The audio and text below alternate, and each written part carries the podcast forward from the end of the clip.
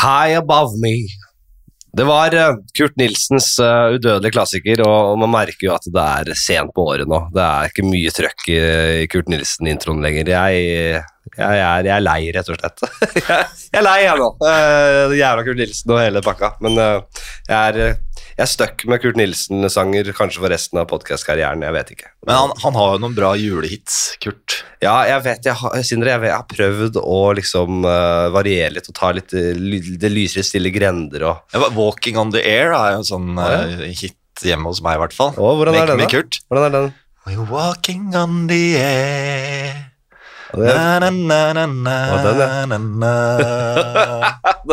Na, na, na, den, er ganske fin. Altså. Sindre Leganger leverer rett ut fra startblokkene her. Eh, jeg, jeg, jeg tenkte vi skulle snakke om Per Ordre og Ordre-saken. Og, og, og mens du Nei, vi kan snakke om livet også.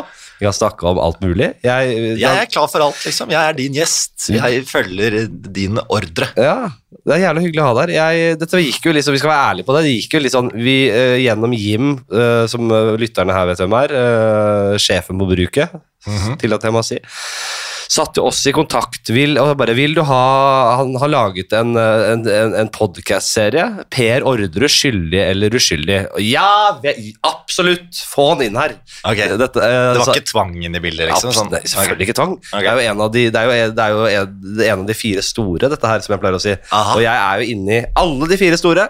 Det er Ordre-saken, det er Birgitte Tengs, det er Baneheia, og det er Faen, jeg surrer alltid på det siste. Hvem er det siste? da? det, det er, hvilket er det siste av de fire store? Eh, Nokas, kanskje? No, nei, det er ikke litt det samme. Er ikke det ran? Ran blir litt utenfor. Kanskje, Aha, okay. Eller er det Nokas, kanskje? Det er drap du er opptatt av. Nei, men det er mysteriene. Fordi Ja. er, Nokas er ikke mye mysterier rundt. Hvor, hvor er penga? Det er jo kanskje faktisk et mysterium, da. Mhm. Men uh, det er ikke den derre drapen Det var jo riktignok et drap i Nokas-saken også, av en politimann uh, under raden der. Men, ja, men man veit hvem det var. man veit om det var det skjedde, og, liksom. Man veit at de har penga, men spørsmålet er bare hvor. Og, det er ikke så mye å hente i den, uh, i, i den saken, egentlig. Nei. Men uh, skal vi si Therese-saken, da. Akkurat. Er det den fjerde? Mm. Ok. Ja, det er jo det. Therese um, altså som man Thomas Quick tror- Ja, ja. Thomas Quick hadde vært bortpå der, og så hadde han ikke det likevel, kanskje. Ja, for mys mys- mysteriet er liksom den definerende faktoren, så er jeg helt enig. ja, er det er det? At de, de, er, det er de fire store? Men du, vet du hva? Jeg har jobba med alle de fire store. Ja, du har det? Og hør, for en drømmegjest. Ok, Ja, ja. Hva mener du? I hvilken sammenheng har du jobba med de andre Nei, ja, det er podkast. Jeg lager podkastserier om alle de sakene her. Ja, for du jobber i, i Altså, jeg har ikke helt skjønt hva faen som er greia. Svart, rost, dukk, det er en egen Hva er dere? Det er en podkast. Det er en podkast. Mhm. litt som Litt som uh, En dokumentarpodkast med dokumentarserier. Det er litt som avhørt, da. Ja, For eksempel, ja, men som de, altså man har absolutt. forskjellige serier innenfor en Eh, Nettopp. podcast.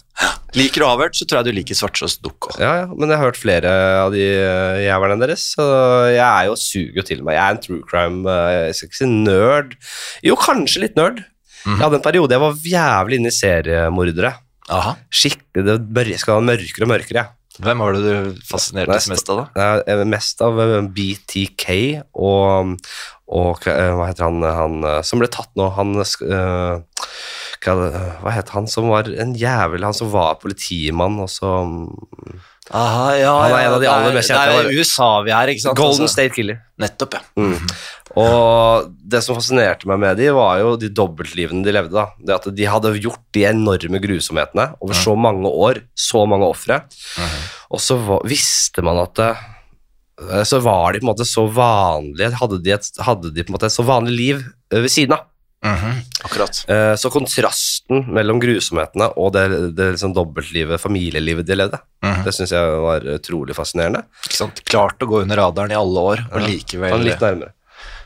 og likevel eh, eh, kommet unna med grusomhetene sine. Ja, så den BTK, altså han BTK, Bind, Torture, Kill, står det for. Hva da? Bai? Bind, Aha. Torture, Kill. Ok, yes. Binde, torturere, drepe, for å si det rett ut. Var det selvutnevnt uh, kallenavn, eller var det liksom Ja, ja, så han øh, Tenk at jeg skal sitte her og få lære deg om en øh, sånn sang. Det er kjempebra. Ehm, Han var, øh, han, var øh, le, han jobbet i en menighet. Han var en, del av, en viktig del av en menighet i Jeg mener dette er Wichika.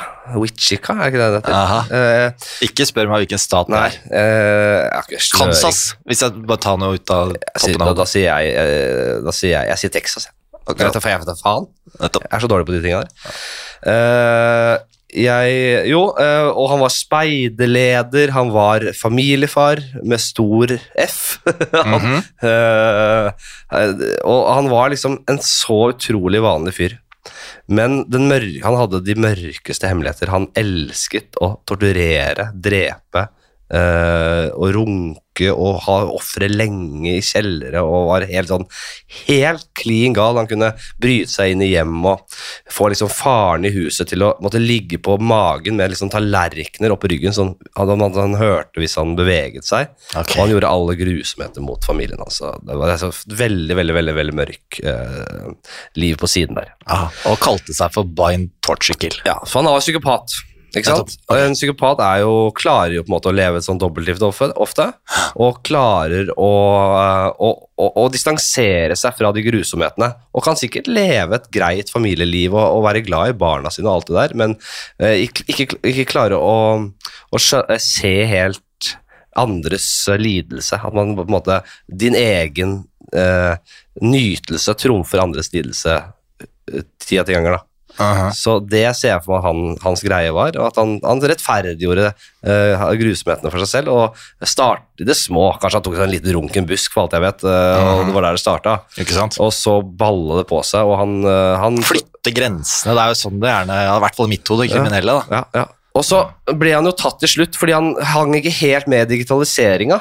Han var en oppegående fyr. God seriemorder til alle målestokker. Gjorde sine saker godt i den bransjen. I- Til, til seriemorder å være, en meget god seriemorder. Han Mm. holdt, kom seg unna i alle år, han, og han var sånn, han, han le, le, hadde katt og, lek, eh, katt og mus-lek med politiet, og, og, og det hadde denne, han elsket, det var de tre beste tingene hans, det var å binde, det var å torturere, og det var å drepe.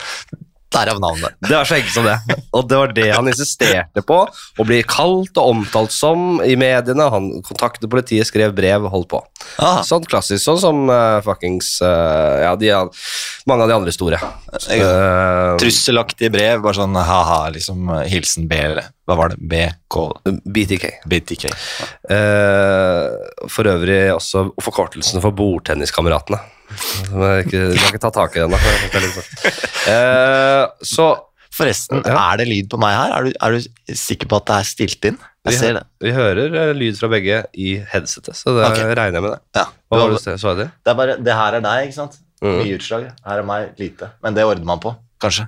Ja, jeg regner med det. Jeg ser at det Snakk nå. Hallo, hallo, hallo. hallo. Og så er det utslag. Ja, ikke sant? Så man bare drar den opp etterpå. Ja, ja. Ok. Og så får du inn på de andre, og så ser jeg at det er lyd på det. Dette var okay. kjempe, kjempeviktig at du tar det opp. Kjempeelendig innhold for lytterne. Og, og nå jeg er midt i klimakset til BTK, og så skal du ha det, det greiene. Det, er, det, får, det får folk bare leve. Det er, eh, det er en juleepisode, dette her. Det skal være litt sånn nedpå. Eh, så skal han liksom sende en liten sånn der eh, katt og mus- mus-greie til eh, politiet igjen, da, som han har kost seg med i alle år. Og så klarer han, så er det sånn at han, han, han viser til en eller annen, det er en eller annen diskett han bruker. Det var den tiden man hadde disketter Ah, okay. i stasjonære PC. Ja, altså, hvor er vi igjen i tid, tid bare? Nei, nå er vi nå- 90-tallet, liksom, Ja, 90-tallet. Ah. Ja. Okay. Ikke sant? Så diskettenes ti- tiår. ikke Ja, ja. Så- husker jeg. ja, ja. Og da klarte de rett og slett å spore han eh, på en sånn digital måte gjennom en diskett og noen PC og noen greier, som han ikke, hadde helt skjønt, som han ikke skjønte helt. da. For de fikk tak i disketten hans? ja, Jeg skulle ønske jeg husket dette bedre, men okay. ja, det var greia. Og Ah. da klarte de å få identiteten til, eh, til BTK. Dette var stort. Og tok så, så en, sånn, en sånn klassisk sånn der, jeg var i søppelbøtta til familien og klarte å få noe DNA der. Og så, eh, og så var det og, så, kobla det opp mot de andre sakene. Og så var det liksom bankers, og da ble han arrestert. Og da han da, var, da la han alle kortene på bordet. Men tenk deg sjokket for familien var jo helt enormt, da. selvfølgelig. Uh, og, Det er ikke den hyggeligste overraskelsen å få når partneren din har gjort det. Nei, men ta så øh, Bare se for seg Bare se for seg sin egen far, da. som, eller mor, da, for, eller bare en bestefar, Uh, eh, eller en så nær, en nær person i livet ditt, som viser seg å være et sånt monster. Ja. Så det, det, det var en periode jeg ble litt lei av det igjen, men jeg fascinerte meg av de der historiene der. Ja, nei, men helt enig i det der eh, gåten i eh, den typen liv. Ja. Det er jo det er det som fascinerer meg også ved det. Ja. Hvordan er det mulig, liksom? Og, og det er jo vanlige folk som har vanlige liv og tenker vanlige tanker. Mm. Som deg og meg, liksom. Ja. Så klarer du å matche det opp mot sånne forferdelige handlinger. Ja. Human nature. Human nature, og så kan man jo tenke vanlige mennesker med vanlige tanker, men samtidig så er det en forvr... For, for, for, for, hva skal jeg si, en fordreining en fordreining inni huet som skaper et slags dobbelt Dobbeltliv, da. Doble tanker. Ja. Et monster og en vanlig person samtidig. Det vil jeg ofte tro det er, da.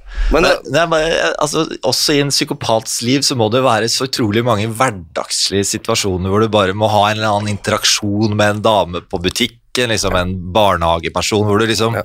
Hvor du, hvor du uh, seriemorder, psykopatsiden av deg, liksom Du kan ikke spille ut den overalt. nei.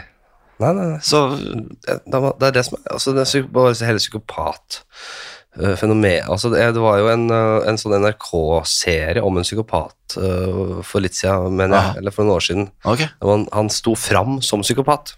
Nettopp. Uh, og dette var vel Helene Sjekkerin, tror jeg. Ja, ja. Helene Sjekkerin og psykopat. Yes. Nei, jeg mener det. Hjemme hos han? Nei, hjemme hos han. han var, det var kjempelang De fulgte han over tid og sånn. Og han var åpen psykopat. Ja. Og jeg mener, jeg tror det var Helene Sjekkerin, det kan hende det var noe annet. Jeg husker jeg ble stilt ganske opp til veggs. da, bare sånn der, Han sa han hadde blitt friskmeldt og sånn. Har du det? Har du ja, det? Men uh, det er interessant. uh, bare psykopat, Fenomenet psykopat er jo det det er også veldig bredt. da, Sikkert det er noen som bare har litt psykopat i seg, så er det noen som er helt American Psycho. ja, ikke sant? Enig. Mm. Det er Men, et eh, spekter, det der. Ja, men uh, dette, med- dette med mysteriet, dette med dette at man faktisk ikke vet, uh, det er det som um, er fascinerende med Orderud-saken også. Enig. Og som har fascinert oss faen meg i nå siden 1999-2000. da. Mhm. Første sesongen uh, som man bruker i fotball. 99-2000-sesongen. Ja. Eh, ja. Eh, overgangen der i årsskiftet, Ja. der skjedde viktige ting. Ja. Eller fra 98 til 99 i Orderud-saken. Skal vi gi litt kontekst her, eller? Ja, vi gjør det, fordi du, vi kan jo på en måte kalle det litt sånn at det er litt sånn julevennlig. Ja. Fordi det, altså, slaget står jo rundt et sånt uh, mye omtalt juleselskap. Mhm. Det er det du ville fram, uh, fram til her nå. Ja, ikke. Altså, Men la oss gi kontekst for de som ikke kjenner saken i det hele tatt. Ja. Eh, hvis, du, hvis du er æren ja, jeg tar den æren. Ja. Takk for den. Det er altså Per Orderud og kona hans Veronica som bor på en gård i Sørumsand. Orderud gård. Ja. Og der er det også en kårbolig, som også da er et slags ekstrahus på eiendommen, hvor foreldra til Per bor. Ja. Og de har en konflikt, konflikt om denne gården. Hvem skal eie den? Ja, og så har det vært, eh, så vidt man vet, ganske god stemning i, i, i mange år før dette. Men det ble en tvist rundt liksom, overtagelsen av gården. Ja. Per begynte å bli eh, 40-50-åra. Ja.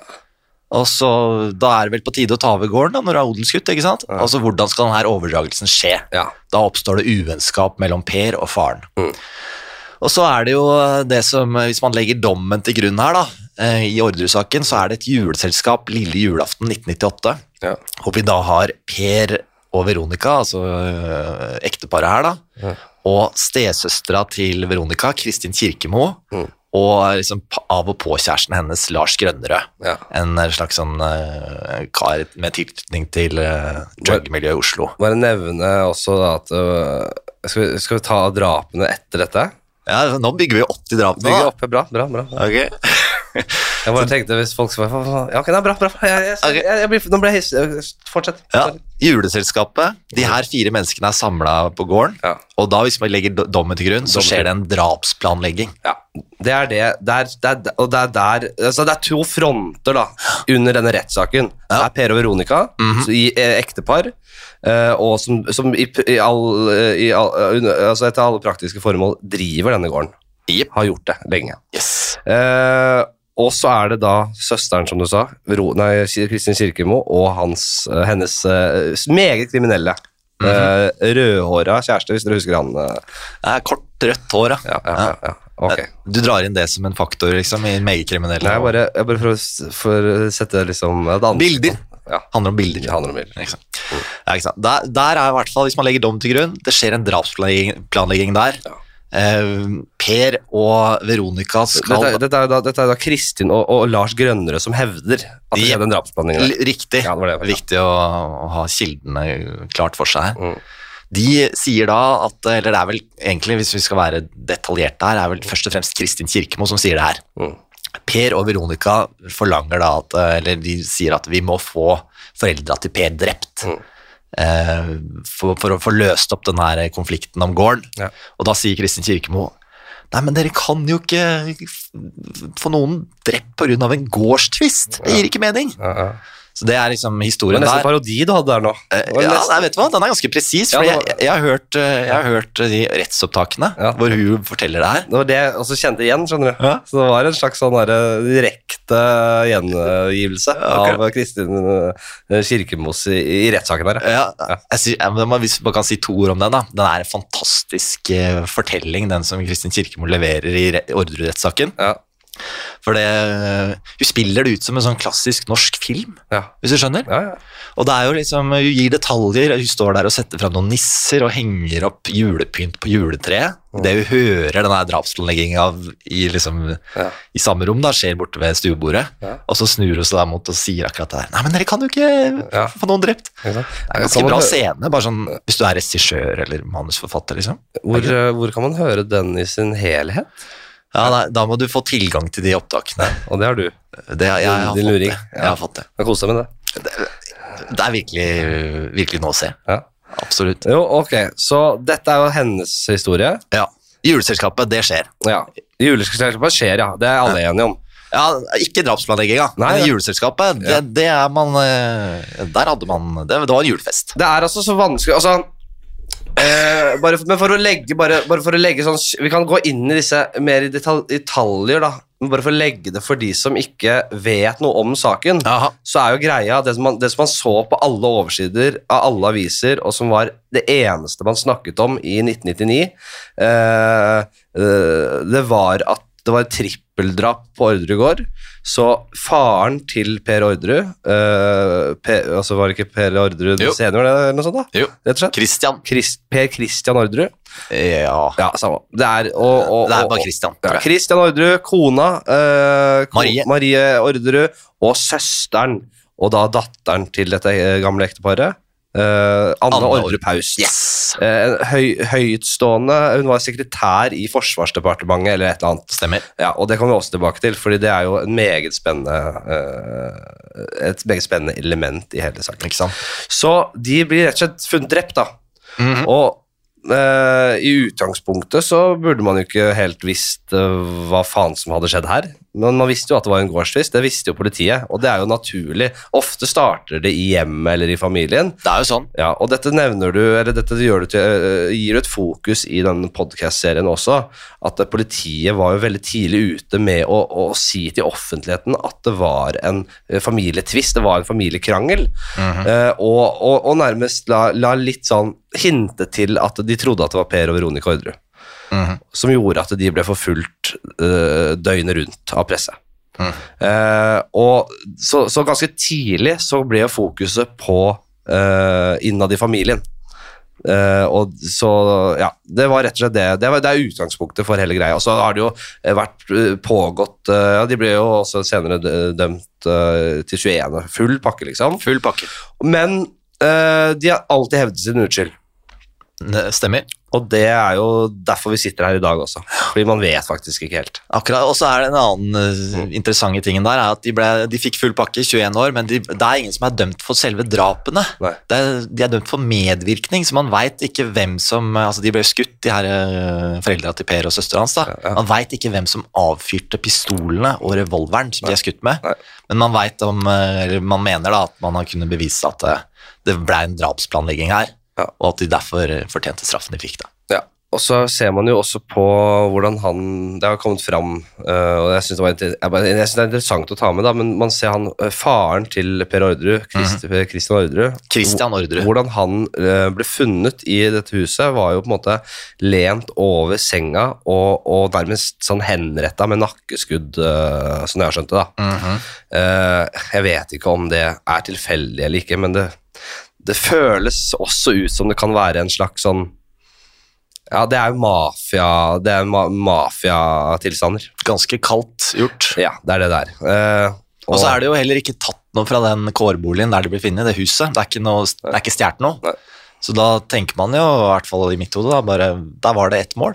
Det var å ta livet av de her menneskene. Ja, og alternativene, på, altså hvem som kan ha drept disse tre, eh, det er jo, som Kristin og, og, og han eh, Lars Grønnerud hevder, er at det er, de, at det er rett og slett Per og Veronica selv. Sier ikke det, da?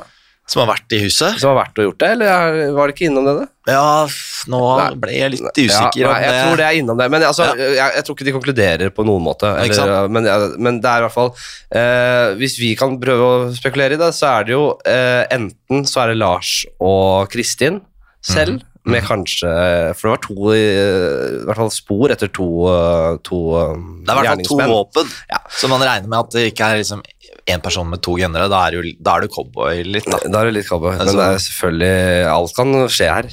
Absolutt. Eh, hvis du finner ut at det var eh, en cowboy der inne. Én cowboy. Ikke sant? Uh, jo, uh, så enten uh, Kristen og Lars Grønnerød eller Per Veronica, eller mest sannsynlig kanskje innleide leiemordere, eh, som er ansatt av eh, noen av disse fire, eller rett og slett har, eh, eh, har ønsket å eh, ta rotta på Anne Orderud Paust, som hadde tilknytning til konflikten i liksom, Balkanområdet. Stemmer ikke det? Vi går ikke veldig i detalj her, fordi Ja. eh, det er litt vanskelig. Men det var altså, en veldig betent altså, De hadde allerede blitt utsatt for attentatforsøk. Ja, Det er jo enda en dimensjon i Ja, den saken her. ja. ikke sant? Så, så hun var jo åpenbart Noe var ute etter Anne Ordrup Haust. Mm -hmm. Og eh, når man har med på en måte albansk Jeg bare sier albansk, det kan være hva som faen nedi der, altså. Ned, nedover, da. Noe nedover. Eh, når man har med den gjengen å gjøre, så driter jo de glatt faen i Christian Orderud og Anne Marie Orderud. De, de var casual damage Hva heter det? Casual, uh, da, Collateral. collateral damage. Mm -hmm. uh, i, i, hvis dette viser seg å stemme. Så det er mange, veldig mange eh, ideer om hvem som kan ha gjort dette her. Men uh, det som Altså, det eneste man på en måte sitter igjen med sånn juridisk, det er jo at alle fire, Per, Veronica, Kristin og Per, nei, og Lars, dømt for medvirkning til drap, og ikke selve drapet. Ikke sant? Så da har vi vel lagt den greit. Da har vi konteksten. Eh, det, det, så, jeg må bare hente en, en, en liten sak. Ja, ok. Eh, det var en bitte liten pause for dere. En, eh, et, et, helt liv for oss. Skulle bare visst hva som ble sagt i den pausen. Eh, for du har jo jobbet eh, med dette her, og, og på en måte prøvd å grave litt i hvem Per Orderud er. Fordi han er på en måte utgangspunktet for podkasten. Man ser det gjennom Per Orderuds øyne. Mhm. Eh, og sånn man ser han gjennom på en måte media, da. De gangene man har sett intervjuer med han og, og, og sett han i, i rettssaken osv. Ja, Hva er inntrykket ditt av han, egentlig? En veldig, veldig lavmælt, beskjeden, rolig type. Mhm. Eh, som eh, ja, ja, eh, Som rett og slett kjemper en innbitt kamp mot å renvaske eh, seg selv. Mhm. Det er det jeg føler, men jeg vet også at disse tingene trenger ikke å være Det kan være spill, det kan være strategi, det kan være eh, at, det, at det er andre faktorer som spiller inn. At han er egentlig veldig beskjeden uh, uh, i en sånn setting, men hvis du ser han på privaten, så er han en annen person igjen. ikke sant? Så jeg er veldig åpen for alle disse på en måte, variasjonene. Ja, ikke sant? For Det vi har sett av han, er jo når han er i retten, tiltalt for drapet på familien sin. Liksom. Det, er, det er pressituasjon. Ja. Det er stress. Ja. Så øh, jeg veit ikke hvordan jeg ville framstått i en sånn situasjon. altså. Nei. Nei, er Sikkert litt øh, høye skuldre, liksom. Og, ja, og han er jo en bonde Ja. fra Sørumsand. Ja. det er, eh, han, er, han er liksom Vi snakker ikke om en standup-komiker her, liksom. Nei da, jeg er helt enig i det. At eh, Man har også sett han i, i intervjusettinger etter rettssaken også, skal sies. Jeg har jo, må jeg si det med en gang, jeg har jo eh, for en del år siden nå jeg har jo en kjent vits, hvis jeg kan si det. Ja. Eh, Jeg har også gjort den på Latter Live og hele pakka, ja, så det er veldig greit. Eh, og jeg har fått mye, Det er en vits jeg får, en standup-bit jeg får mye tilbakemeldinger på, som jeg er okay. Fornøyd med selv. Ja. Og det tar hele utgangspunkt Det tar altså utgangspunkt i Per og Veronica Ordru. Du har ordremateriale. Ja, jeg har det. Absolutt. Perfekt anledning til å dra fram det, da. Absolutt. Eh, og det går på Jeg så et intervju med Veronica Orderud. Det mener jeg var i fengselet, da hun satt inne. Aha. Eh, det er sånn jeg husker det, i hvert fall. Uh, uh, og da var hun så ut, veldig, veldig rolig, og det mener jeg de har vært i alle år. I, i på en måte forbindelse med saken. Veldig, ja, vi, jeg mener at vi er uskyldig dømt, og, Mhm. så videre og så videre. Og så har jeg også dratt inn uh, Viggo Kristiansen eh, i, i denne vitsen etter hvert og sånn, eh, fordi han var jo på en måte det stikk motsatte. Han var jo ti år fly forbanna inne i fengselet der, helt rabiat. Og det mener jeg taler for hans sak. Jeg mener at det, og Vitsen er på en måte at hvis jeg hadde vært uskyldig dømt, og det kom et press inn i fengselet, så hadde jeg bare Hjelp! For helvete! Og skrek det til justismord, og hva if Og, og, og, og, og var helt rabiat inni der. Og hva i faen skjer her? Hva er det her? Banka veggene og Banka veggene. Jeg vil ikke i gymsalen og spille hjørnefotball! Jeg er uskyldig dømt! Jeg skal ikke på verkstedet! Eh, det er vitsen. Det er slengelse. Uh, og det, eh, men for å ta det på en måte Det, det som jeg, jeg føler er ekte i den, da, det er jo akkurat dette med å være så rolig Aha. når du er uskyldig dømt. Uh, Du har ikke tro på det som strategi, liksom? Det er, Selvfølgelig er det en vits, eh, så jeg skjønner at det går an å ha det brukes som strategi. Ja. Men jeg mener, hvis du bare tenker deg om, hvis du er helt uskyldig dømt, da, Mhm. Eh, så er det uh, Så er det jo lettere å tenke seg at man som menneske ville bare gå, vært helt rabiat. Mhm. Og ved enhver anledning bare Hva i faen skjer her? Ja, ikke sant? Ja. uh, ja, men de, så, de har jo på en måte vært veldig rolig i alle år. Og om det er deres natur, om det er sånn på privaten, var sånn på privaten, eller eh, om dette var et spill, det vet du kanskje mer om enn meg. Hvordan vil du opp, hvordan Nei, tenker men, du at altså, Per Orderud var og er, da? Jeg deler jo din uh, oppfattelse av han, liksom, som en, uh, en person som uh, kanskje ikke når helt gjennom, da. TV-ruta, hvis vi skal liksom, snakke om karisma og de tinga der. Ja. Og, og han er ikke en sånn store følelser, og han, han gjør jo det motsatte av det bank i veggene som du ville gjort. ikke sant? Ja. Men så veit jeg jo samtidig det at um, det å skulle avgjøre om liksom, troverdigheten til folk, eller hva man kan stole på av det folk sier, sånt, ut ifra hvordan de framstår, det er vanskelig. Ja. Det er mange som mener de er gode til det, Mm. og så har man liksom forskning på det som bare Nei, det er kron og mynt. Ja. Det er øh, vanskelig å tolke. Ja.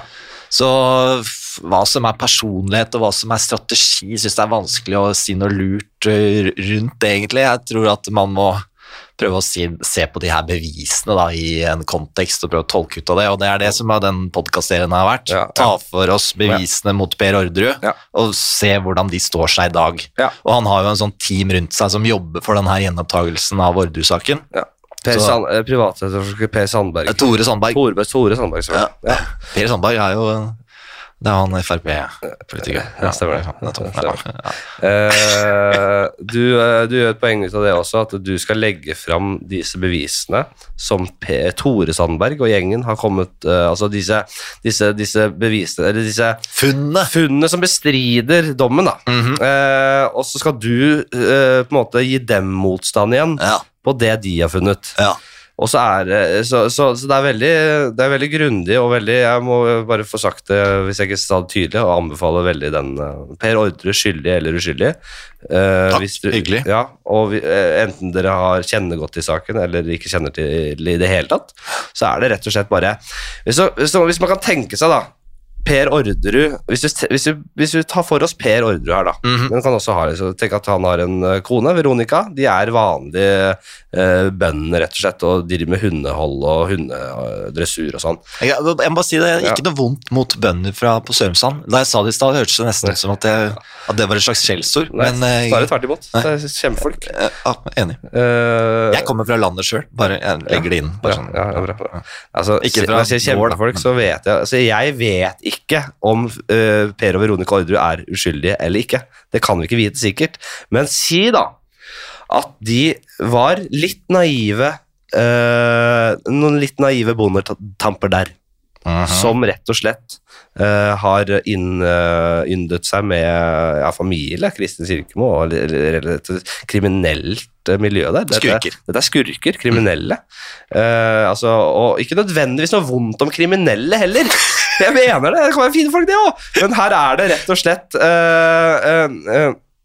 muligheter for at du har blitt øh, eh, rett og slett øh, Noe ble satt i gang uten at man helt så konsekvensen av det. manipulert og lurt. da. Mhm. Plutselig så er foreldrene dine døde og drept på brutalt vis, og søsteren din eh, drept på brutalt vis. Ja, det har vært et familiekrangel, men dette er noen du har hatt en meget god relasjon til, beviselig god relasjon til gjennom oppveksten og ungdomstiden og alt. Mhm. Eh, det, var, det, det er ikke noe eh, som tyder på at det var en veldig unormal oppvekst og en unormal familie, det. Eh, så plutselig så er de drept, da. Mhm. Og før du rekker å blunke, så er du hovedmistenkt for å ha stått bak drapet på hele kjernefamilien din. Ikke sant? Eh, Den er tung. Den er tung, og den er lei å, å deale med, da. Si Ikke snakk om blackfacing da, liksom. Den, den, den er Dette er verre. Dette er verre. Dette er, dette er, dette er sånn Blackface Downs-kanselleringssmell uh, Ikke ganger 100, da.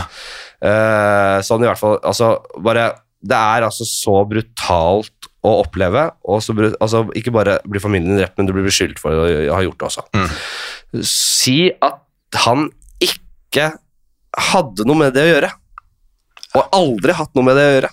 Hvor enorm lidelse og sorg det er. Det eneste som har holdt han i gang, har vært kampen for å renvaske seg selv. Og det har gjort det har tæra på nå. Man har sett bilder av han i senere år. Han har blitt en eldre mann, selvfølgelig. Han har sittet inne i, i, i 20 år, vel. Har satt hele dommen. Mhm. Så dette har på en måte Tenk deg den endringen i livet.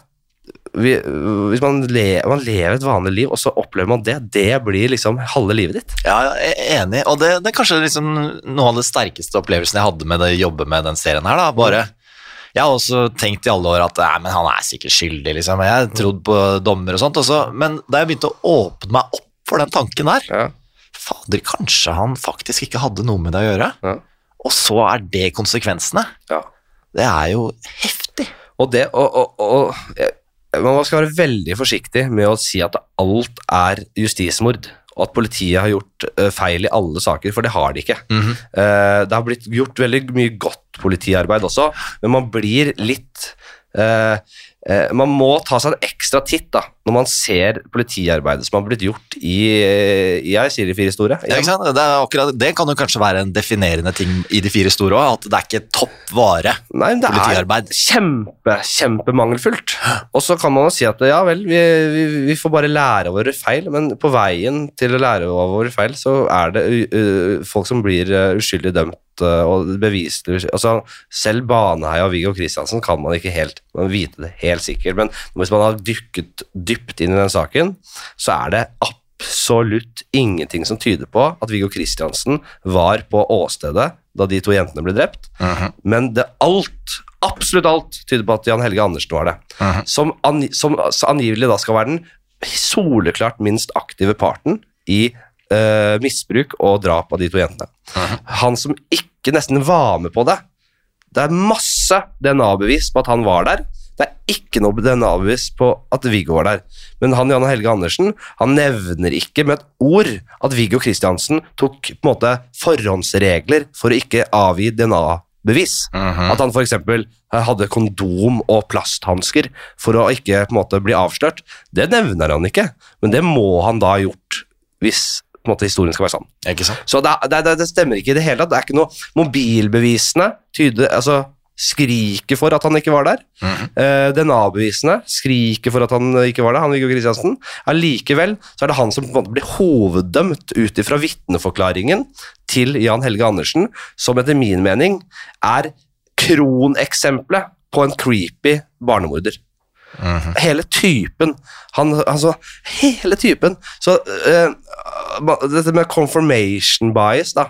At man Mhm. uh, uh, søker bekreftelse i det man allerede har bestemt seg for, det er bare Det, det, må være et tekstbokeksempel på dårlig politiarbeid i den sammenheng, da.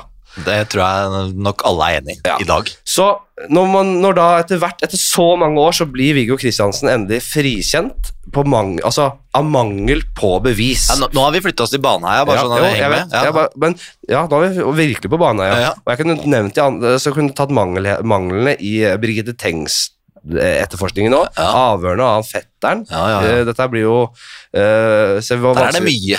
Ja, det er veldig mye. Så når man vet dette her, så er man nødt til å faktisk grave i dette. Det er veldig viktig arbeid du gjør, og, og eh, privatetterforskere alle. fordi så, eh, Men samtidig så må man også vite at det, det er ikke sånn man, man kan ikke gå i samme felle Mhm. og bare Nei, nå vet jeg at de er uskyldige. Nå vet jeg at han er uskyldig. Nettopp. For da gjør man det samme feilen. Akkurat. Så den der, eh, men, men at det har blitt gjort veldig mye slurvete arbeid, og at det har blitt eh, at, det, at, at man må dykke i disse sakene grundig, det er det ingen tvil om. Det må vi jo. På Orderud så er det jo liksom per i dag så står jo fortsatt den dommen, da. Ja. Så der vil jo f.eks. politi og statsadvokat, tror jeg, vil jo si at nei, vi gjorde ikke slurvete arbeid der. Nei. Vi gjorde jobben eh, veldig godt der, Ja. og vi kom i mål med dom. Ja. Så jeg bare kaster inn den nå. Ja, og jeg, synes, jeg må virkelig si at jeg, jeg syns det er mange flere spørsmålstegn ved etterforskningen rundt uh, for Baneheia, da, for eksempel. Og avhør og hele pakka, hele, hele hvordan de på en måte lagde et monster av Viggo Kristiansen, og pressen kasta seg på, og han var forhåndsdømt. Det er, det er mange, mye mer å ta de på der enn i uh, Orderud-saken. Ja, men man har jo det der elementet òg, at man sier fra første time omtrent at her ligger en gårdstvist i bånn et eller annet sted. Vi veit ikke helt hva det er, men noe er det. Ja. Da er det jo Per som, eh, som tegner seg ut, da. Ja. Men la oss eh, Vi har liksom ikke all verdens av tid her. Jeg, jeg klarte jo Jeg klarte jo å, å, å Skal vi gjennom alle de fire store i detalj? er det planen? Nei, Nei, det var bare, jeg, jeg blir så ivrig på badeheia, skjønner du. Fordi jeg, jeg syns denne saken er helt spinnvill. Ja. At, eh, at du klarer å dømme en person kun på vitneforklaringen til han som åpenbart er mest skyldig. Eh, og, uh, at du Det for, og at du forhåndsdømmer en, et problembarn. Eh, som selvfølgelig hadde gjort de, de jævlige ting, han. Han, hadde, han, han er på en måte beviselig drevet og tafsa på unge barn og drevet med altså sånn, Alt tydet jo på Modus. moduskandidat nummer én. Men det er ikke likevel gitt at han gjorde det. Ikke sant? Det kan hende han absolutt ikke hadde det i seg. Ja, så kan man jo si at eh, ok, du har hatt noen eh, Du har gjort noen dumme ting mot barn, men eh, du har ikke drept barn før, liksom, så er det samme modus. Ja, Og Det det, kan man jo diskutere. og så er det vanskelig å på en måte sitte og forsvare en fyr som har gjort de tinga, men da var han et barn selv, og jeg, jeg er villig til å på en måte jeg, jeg gidder ikke å si sånn Ja, han fortjente 21 år, og all den, eh, den smerten som ble påført fordi han gjorde det med de barn, det barnet da han var barn selv. Det gidder jeg ikke. Jeg gidder ikke det. Og mange sier det, men jeg gidder ikke det. Nei, ikke? Du er ikke med på det? Nei, Nei, det er ikke en rettsstat. Det er ikke det, er ikke det som er å være en rettsstat. Akkurat. Det er jo, det er jo det er på en måte uh, Det er borgervern, det er uh, personlig Da tar man saken i egne, egne hender, på en måte. Mhm. Det er ikke nødvendigvis så bra. Man mente jo man hadde DNA også mot Viggo, da. Det er jo liksom noe som ligger til grunn for den dommen, og så Ja. var det bare tullball. Ja. Så um, ja, Ja, mye rart. Ja, nå ble det litt så mye snakk om den, men eh, det, det, det er jo litt ja, Det er det som gjør det interessant, det er at man, eh, man vet faktisk altså, Man kan liksom ikke stole helt på det som ble gjort den gangen. Men eh, Ja, og alt det politiarbeidet her, det er jo omtrent i samme moment nå, ikke sant? Vi snakker 90-tallet, Ja. så der var det mye rart. Hvis vi skal Altså, jeg hørte Altså, er det sånn at det, For de drev litt med, med, med amfetamin og sånn, disse to, Kristin og Grønner og gjengen. Yes. Er det sånn at, det, at, det, at det, kan, er det en sjanse for at de tok med seg litt meth-amfetamin, f.eks., uh, på, på, på middagsselskap, og at, de, at det rett og slett var eh, at, at de lurte i seg en liten eh, runde med meth på den der julemiddagen, liksom. Ja, jeg, jeg er ikke så stødig på forskjell mellom amf og meth. Altså fort-fort eh, krydder og hva man kaller det. Men, eh, Det er, det er rett og slett det er en foredling av amfetamin. eh, har det samme effekt? Man blir rett og slett Jeg kan eh, ikke så mye om det heller, men eh, det er jo liksom som eh, eh, du, har en, eh, du har en kilo amfetamin eller kokain eller, eh, grunn, eller på en måte grunndope, og okay. så, får vi på oppskriften nå? så, så tilsetter du masse dritt, så får du eh, to kilo med, eh, med, med dop Aha, som du kan selge videre. Så du, du, du øker på mengden. Og, ok. men det, Og det er ikke Du blander Hva var det du sa? Nei, jeg, kan ikke, jeg er ikke noen kjemiker, jeg. Og jeg ikke driver og dytter i meg så mye mett heller. Det begynner å bli mange uker siden. så, nei, men jeg, eh, jeg Nei, men om de hadde med seg det på juleselskapet? Om rett og slett Per Orderud kan ha småka i seg litt mette av det, men Ja, altså, nå må jeg Han Nå må jeg prøve å det var si det. sjokkerende. det. Ut Han er ikke typen. Nei, han, Han er ikke typen. slår meg ikke som typen. han slår meg ikke som typen.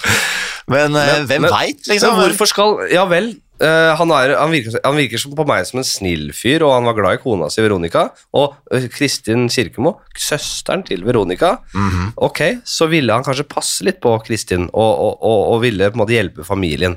Ja, Og plutselig var det, så hadde du to kriminelle, men kanskje, kanskje de Enten var de naive, tenkte aldri på det, eller så var de kanskje litt mer eh, eksperimentelle på den sida der enn man kanskje har tenkt. Og, og hvis jeg husker det her rett, så tror jeg Kristin Kirkemo sier at uh, Veronica, altså kona til Per, Ja. bestilte litt uh, amfetamin fordi hun skulle slanke, slanke seg. Ja vel, ja. En slags, sånn slankedop, rett og slett. Og så bare, Da er det full fart på husarbeidet, husarbeid, og maten lages, og man bare jobber på. Ja. Så, Men, men hvor mye kan man få vite Hvor mye er det mulig å vite om hvordan disse menneskene var bak lukkede dører, da? Hva, hva vet man utenom det man har sett i rettssak og intervjuer i ettertid?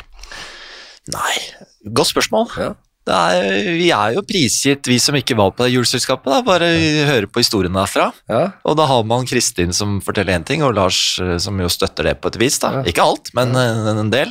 Så har man jo Per og Veronica på andre siden, så må man vel bare Hva høres sannsynlig ut, liksom, gitt, ja. gitt uh, bevisene? Og der, der er det jo en viktig ting, da. Ja. Og det er jo at det ble avfyrt et skudd ja, uh, i forkant av juleselskapet. ja. Og det eh, det, det var eh, Kristi Kirkemo som hadde med en pistol, og så ble den avfyrt, altså så smalt eh, skuddet i et bord, og så oppe på et bilde Ja. i stua til eh, Per Orderud. ja. Så det var litt gønnere og var- greier der, altså. Det er jo en rar ting, ikke sant, når ja. vi skal snakke om Per, da. Ja. At foreldra hans ble skutt, søstera hans ble skutt, og så blir han spurt har det vært noe våpen. Kjenner du til noe våpen? Ja. Nei, ikke noe våpen. Nei. Og så veit du at du har hatt en gønner i stua di for et halvt år siden. Ja. Er det noe du ville sagt, liksom, eller hva tenker du? Nei, jeg, jeg tenker jo at jeg for, for å bare fortsette det jeg begynte på uh, For å skjønne For å prøve å skjønne saken så godt som mulig, så ville jeg jo dykket mye mer inn i personlighetene. Eh, hvem var de egentlig? Mhm. Ja vel, man kan se en atferd i rettssak. Man tenker ikke han er en bonde, veldig liksom beskjeden type der. Og, Mhm. Men da må vi finne ut okay, hvem var de egentlig. Hvem var Per og Veronica sammen med Kristin og Lars? Var Mhm. de sånn veldig, det veldig sånn ordentlig ryddige ekteparet som inviterte de, de småkriminelle, den småkriminelle duoen der hjem? Og, eh, eller var de med på Kunne de synes det var litt spennende med våpen? Kunne de synes narkotika var litt grann pirrende? Sånn, ja. Eh, Det mener jeg ikke ut fra det jeg har hørt gjennom podcaster og eh, TV-serier og bøker om saken, så har jeg ikke inntrykk av at det ble så mye fokus på i rettssaken. Mhm. Det ble mer en sånn derre At de ble litt sånn Ja, man dykka ikke nok inn i det, da. Okay. Uh, så, men det er sånn jeg leser det. Hva tenker Ja, du? jo, altså, jeg er enig, det er jo Ja. interessant. Samtidig så må man jo Man veit jo at eh, folk, eh, helt vanlige streite folk som deg og meg, Mm. plutselig så gjør vi noe helt ville ting. Ja. Så det er liksom eh, Man har ja. nok av eksempler på da, at eh, det som framstår som kanskje et, kara- en karakterbrist, da. Ja. At det er bare å ikke være typen til å gjøre noe, ikke er nok til å være, liksom, ta deg vekk fra mistanke og skyld. Nei. Det er kanskje derfor man har liksom ikke har bora så mye i det, men jeg tror samtidig man har bora ganske mye i det. Hvem var de her menneskene, og historikken dem, så kan man stole på Kristin Kirkemo og Lars Grønnerød. Ja. To kriminelle fra et uh, stappfulle av rus og pepper og hva det skal være. Ja. Kjørte på i den tida der, liksom. Jo, men du sier at vanlige folk som oss kan være spinnville plutselig. Ja da, jo da, man kan plutselig eh, være litt vågal på fest, og, men noen, for noen er, er det å ta slipset på panna vågalt. Ja, ikke sant? Og, eh, Jeg kan skamme meg over det sånn Ja. dagen etter. Ja, Liksom. ikke sant? Så det er jo sånn Hvis Per hvis det kommer fram, ja, Per kunne være litt vågal. Ja. Han kunne Av og til så kunne han ta og brette opp eh, skjorta på og ta slips rundt panna. Og Ja. faktisk og, og ta og Han var ganske god danser. Han kunne være Ja. litt rå. Han, det er jo Akkurat. det er, min, et minim, altså det er et minimum av råskap. Det, Ikke sånn, det, det, det, det kan knapt kalles rå. Du må være- se moonwalken til Per. ja, Hvis du har moonwalk, Per kunne ta moonwalk, ja vel. Det er, det er litt bitte litt små du, du, du, du leker deg litt grann i festlig lag, Ja. men det er ikke sånn Det er ikke crazy. Men det, tenker, det viser tenker, en side. Jeg kjenner mennesker som kan ta og være litt ville på fylla og danse litt. Oi, han, det var ute av karakter. Ja. Men jeg vet også om eh, hvis jeg skal si jeg, uh, jeg kjenner også folk jeg kjenner, jeg kjenner folk som kan gjøre den dansen på fest, men hvis det hadde plutselig kommet en pistol inn i, på en fest, så hadde de bare Nei, det her kan jeg ikke ha noe med å gjøre. Og Mm. Nærmest ringt, gått opp og ringt politiet. Mm. Uh, og, og Har du opplevd noe sånt duell? Uh, to, ja, ja. Sett en gunner, liksom? Ja, jeg har gunner. Yes. Uh, jeg har vært uh, rundt omkring, og jeg er, jeg, jeg er ikke typen som, som, som klikker av det og tenker dette er ikke lovlig og bla, bla, bla. Jeg Mm. kan, hvis det er under jeg kan, Det er litt spennende. Wow. Men jeg er ikke mye ofte jeg opplever det. Men jeg kan også Gi litt kontekst der, hvis du kan. Eller? Nei, men jeg kan være på, na, jeg er på mange nachspiel opp igjennom. Jeg har opplevd, jeg har sett, eh, jeg har sett eh, masse dop, jeg har sett eh, våpen før, jeg. Hvordan våpen? Det var en sist. En sånn revolver med sånn eh, kammer rundt. Ok. Det er Litt skummelt var det. Uh, og dette er ikke ofte gjort. Men jeg klikker ikke vinklene. Nei. Jeg kan leve med det. Ja, det var fett. Litt, liksom. litt rart var det, men uh, jeg vet om uh, og, og det er spørsmålet. Men jeg er på en måte ikke noe kriminell i det hele tatt. Jeg er Nei. ikke ofte jeg opplever disse tingene. Jeg, eh, men jeg, jeg, jeg kjenner mange forskjellige folk. Men da det skjedde, bare var det sånn Få se på det nærmere, liksom? Eller bare sånn Du skygga banen Jeg så litt nærmere på det. Uten å avgi fingeravtrykk og DNA? Ikke noe fingeravtrykk i det tatt. Eh, og, så var det, og så ble det noe greier der. uh, DNA kan avsettes Jeg liksom, ikke- veldig jeg vet. Ja, nei, og dette er jo det er sikkert litt sykt å si. Jeg vet ikke, jeg er ikke sykt å si. Det har skjedd, og jeg, noe, jeg sier ikke noe mer enn dette. Okay. Jeg er ikke en som farer opp og tenker 'Å, herregud', og, og, for jeg, jeg, jeg, jeg er ganske streit, men jeg tåler ting som det. Aha. Så vet jeg om folk som hadde klikka helt av det og fått panikk og nærmest ringt politiet. Hvilken type er Per? Mhm. Ikke sant? Vil han synes ting som det kan være litt spennende? Vil han kunne i hvert fall få fristelsen å prøve litt narko og, og det kriminelle livet pirre han lite grann? Mhm. Ved, hva slags type var han? Det har ikke jeg noe klart inntrykk av, og det tror jeg nesten ingen har. Nei. Og det er jo hele nøkkelen til uh, greien. Han ble jo tatt for å ljuge om denne pistolen og sånn. Nei, han hadde ikke hørt noe om den pistolen, og så måtte han si at jo da, det hadde han fått med seg. Kan jeg.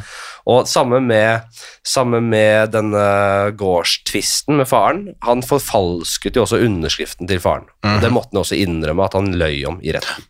Så dette, dette, dette jobba jo ikke hans sak. Ikke i det hele tatt. Men jeg, jeg har ikke hørt noen eh, rapportere om at Per dans, hadde en kul dans i ermet, eller hadde liksom den typen eh, side ved seg. Det, det, som jeg har sett, finnes ikke noe spor i saken av det. Nei, og det er interessant, fordi Ja, nei, jeg mener Men alle mennesker har behov for å slå seg litt løs, har man ikke det? Jo, ja, men det er bare hvilken grad av å slå seg løs. Det er, det, er det jeg prøvde å si i stad også. Eh, eh, det er noe med Hvis du, hvis, hvis du har et selskap med uh, Lars Grønnere og, og, og Kristin Kirkemo, uh, Sikkert god stemning. var dette Var Per og Veronica typene til og Hvis det ble tatt opp et våpen der, syns de det var spennende, eller bare «Ah, f- Hva i all verden? Hva er dette her? Jeg skal ikke ha våpen i mitt hjem. Eh, det, det, vi vet at dere hadde litt problemer, men så Nei, dere må gå! Dere må gå! Var det sånn, eller var det litt eh, pirrende for dem? Var det litt Altså, var de i Ja. Nei, det Hvis vi skal følge Per Orderud Ja. på det der, så når det her skuddet avfyres i stua hans, så sier han noe i den retningen. Ja. Ta vekk det! Få det vekk! Ja, ja, Bort med det! Ja. Jeg vil ikke ha våpen i mitt hus! ja, ja, ja, ja. Og så, og så skjer det, da, ifølge ja. Eh, vi, vi kunne gått inn på alle disse, på måte, disse nye funnene til Per eh, Tore Sandberg og sånn, men uh, vi har ikke tid til det. Men uh, hvis vi skal ja, vi, har- ikke det. Vi kan, ta, vi kan ta en ny runde en annen dag. Uh, men av de tingene du på en måte dykket litt inn i her, hvilke, hvilke funn syns du har vært mest spennende, og, og tenker at så man bør følge opp litt? Ja, altså Det som jeg synes var mest spennende, var at jeg fikk komme til Orderud gård Ja. Og møte Per. ja. Hvordan opplevde du han da? Skal jeg fortelle om hele den storyen der, eller? Ja, vi tar, vi la oss ta det. Eh, Det er, eh, da kommer jeg for å sitte på med en uh, venn av Tore Sandberg da, og kjører meg bortover mot Sørumsand. Og for det første, det er jo ganske morsomt, så når vi nærmer oss gården, så ser vi at det står noen mennesker i veikanten med mikrofoner. Ja. Så er det Krimpodden fra VG Ja, ja. som står ved jordet der for å liksom lage om Ja. Orderud-stoff. da. Ja, Så det, tenk- det ruller og går. Det ruller og går. Ja. Altså, selv i dag, Per utafor jordene sine, så henger det journalister og babler i vei om, om drapet på familien hans. Så vi passerer dem, og så, så kommer vi ned en bakke, liksom, og så åpner jordene seg på Orderud gård ut på begge sider. Og så ser jeg jo den her kårboligen som ligger oppe i skauen der. Og det var så sterkt. Fordi det er sånn, eh, det har jeg sett eh, så mye dokumentarer og bilder av opp igjennom, og nå, nå ligger den der. Det var der det skjedde. Så jeg bare eh, liksom, Nå kjenner jeg den starstruck-følelsen begynner å vokse i meg. Og så snur jeg meg framover, så ser jeg gården der eh, Per og Veronica bodde, og der står det en mann på tunet. Ja. Per Orderud. Ja. Har på seg olabukser, eh, joggesko, jakke, liksom. Klassisk Per. Klassisk Per. Klassisk bonde. Nei, jeg stryk det. Det er ikke noe nedsettende mot bønder. Ja. jeg, jeg snakker om bønder hele tida her. Jeg sier, jeg sier uh, at du får ta Jeg snakker om bønder er- at de sitter og på traktorhjulet i felleskjøpdressen sin og lytter på med, en liten, med et lite headset der og hører på podkast. Jeg Jeg er storforbruker av den typen Det er ikke innhold noe som du og jeg hemmelighet at lager. de ofte går i, i, i gummistøvler og olabukser og en regnjakke der ute på jordet. Nei, nei, og, og jeg bruker eh, gummistøvler sjøl, når det regner. Jeg gjør det selv, jeg. Så øh, den lar vi ligge. Men i hvert fall, jeg nærmer meg Per, da, som jeg, står, øh, som jeg ser står der, og så parkerer vi bilen. Jeg, så får jeg beskjed av han øh, som jeg sitter på med at du, ikke gjør opptak nå. Det liker ikke Per. La den opptakeren din ligge. Ja, dette hører man jo også i Ja, ikke sant? Ja. Jeg tommel opp for det, slår av den, går ut, og så hilser på Per. da. Ja. Fast håndtrykk. Eh, per Orderud, sier han. Hyggelig å møtes og sånn. Og da er han blid. Ja. Eh, stødig kar snakker i vei om eh, snakker om Orderud-saken. Det er alltid sånn. Ja. Når jeg snakka med eller møtt folk fra de her store krimsakene, så er man alltid litt sånn Hvor interessert er du i å snakke om den store traume i livet ditt Ja. med bare meg, en helt ukjent kar? Ja. Men Per var, eh, ville veldig gjerne det, da. Ja, ja. Og det er vel Og det kan jeg skjønne. Ja, det her er, hele livet hans dreier seg om å på en måte renvaske seg, så det kan jeg helt skjønne. Ja. Ja, ikke sant? Og, og det er liksom et felt han er ekspert på. Ja. Så å få briljere på det er sikkert, kanskje, kanskje var litt gøy. Hvordan øh, opplevde du han da du møtte han øh, i forhold til hvordan man har liksom sett han i tidligere rettssaker og det ene og det? Jeg vil si inntrykket jeg hadde fra før, ble liksom litt bekrefta ja, av det. Som var liksom lik, seg sjøl lik der? Lik seg selv, altså, han var jo i bedre humør, da, siden han hadde liksom eh, sin litt, lille entourage rundt seg der, med Ja. Tore Sandberg og han der andre karen her som heter Morten. Ja. Så de vitsa jo og fleipa og liksom eh, sånn, men, eh, og han smilte og lo litt òg. Ja. Men, eh, men liksom eh, Igjen, da, altså, han var jo ikke en sånn her, eh, en, et strålende vitne som liksom osa overbevisning, vil jeg si. Han, eh, Ja. han, eh, han var sånn som eh, jeg hadde sett han i, på rettsteipene, liksom. Gans, ganske sånn eh, Hva, hva, hva sa han som vi kan trekke fram som litt interessant her? da? Nei, altså Jeg fikk jo gjøre et lite opptak med en til slutt, da. Mm. Hvor jeg spurte bare sånn Åssen ser du på det her, liksom? Åssen har det vært for deg å vente så lenge på at den her saken skal gjenopptatt? Ja. Og da var han jo veldig tydelig på det at jeg kommer til å fortsette å kjempe. Ja. Hvis det ikke blir gjenopptatt nå, så gir jeg meg aldri. Jeg eh, Det er feil. Ja. Uh, ja. Så eh, hvis jeg skal si noe standhaftighet, Mm. uh, stahet Ja. Og eh, overbevist om at han har rett, da, Ja. så blir det opp til folk som deg og meg da, å tolke det der. Altså Folk som sier at de er uskyldige og har sagt det i alle år og Ja. kommer til å fortsette å si det i alle år. Ja. Hva betyr det egentlig? Nei, det er, trenger ikke å bety noe Det er veldig vanskelig å, å bedømme. Det er rett og slett det å, det å, det å Han kan liksom aldri si Nei, greit, jeg gjorde det. Hva, Mm. hva, hva har det igjen av livet, da? Nei, ikke sant? Uh, kanskje det hadde vært deilig for Jeg vet ikke. Da, da er det, liksom- hva altså, det her er jo alt han har.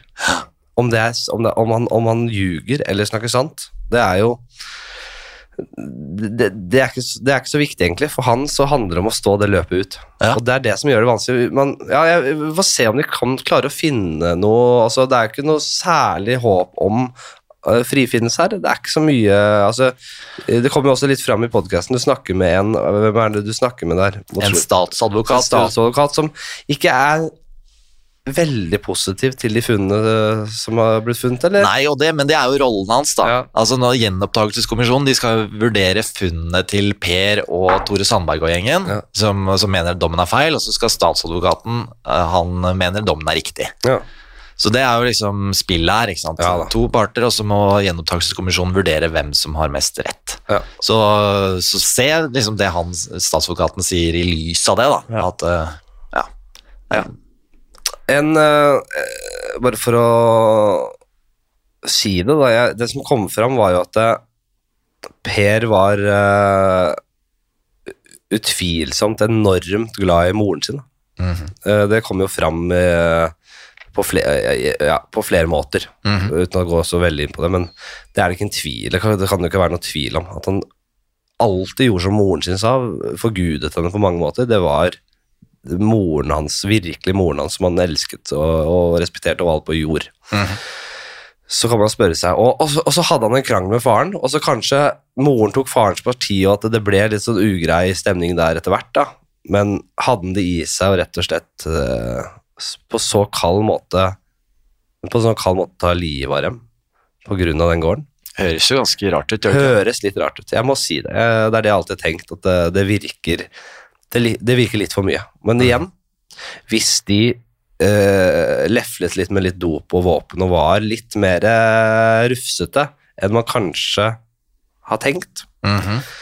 eh, og den uh, gårdstvisten og det familiedramaet var helt sånn altoppslukende jævlig, at det, man mistet alt av gode relasjoner, Mhm. så er det lettere å kjøpe det igjen. eh, at, at, at han liksom skulle dra med seg søsteren sin inn i det. Sin egen søster. Mhm. Lillesøster. Storesøster. Storesøster. Ja, samme ulla. Ikke sant? Nei, det er rart. Uh, så ut ifra en sånn følelse så føler jeg at det her er, eh, dette er rart. Ok. Men jeg syns politiarbeidet andre steder har vært mer rufsete. Ja. Jeg syns det er vanskelig å gå på enkeltelementer der og si dette er helt latterlig dumt. Så Er du klar for å avsi din dom, eller i den nei, jeg er ikke det enda. Nei. Uh, men jeg uh, Fordi The jury is out, som man sier. ja, Eller, ja, ja, egentlig, jeg veit ikke helt hva det betyr, men Nei. Nei. Men det, det er jo den derre eh, Anne, Anne Ordre Nei, hva ja, Anne Ordre Paust, Ja, storesøster.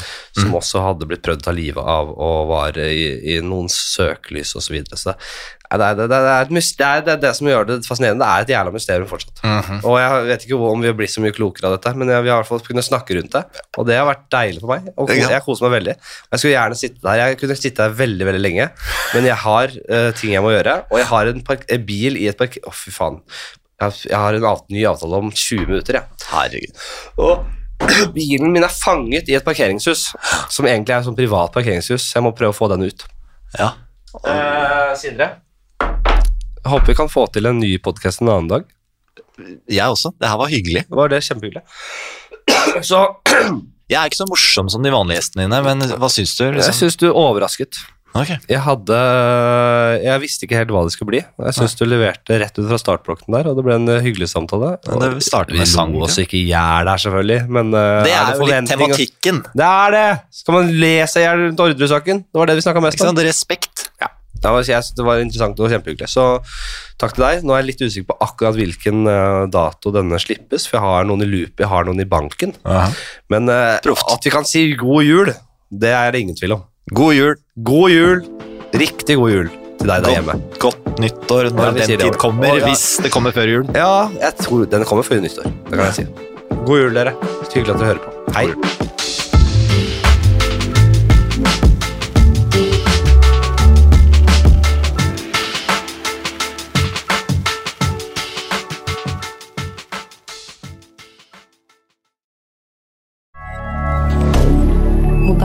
D'accord.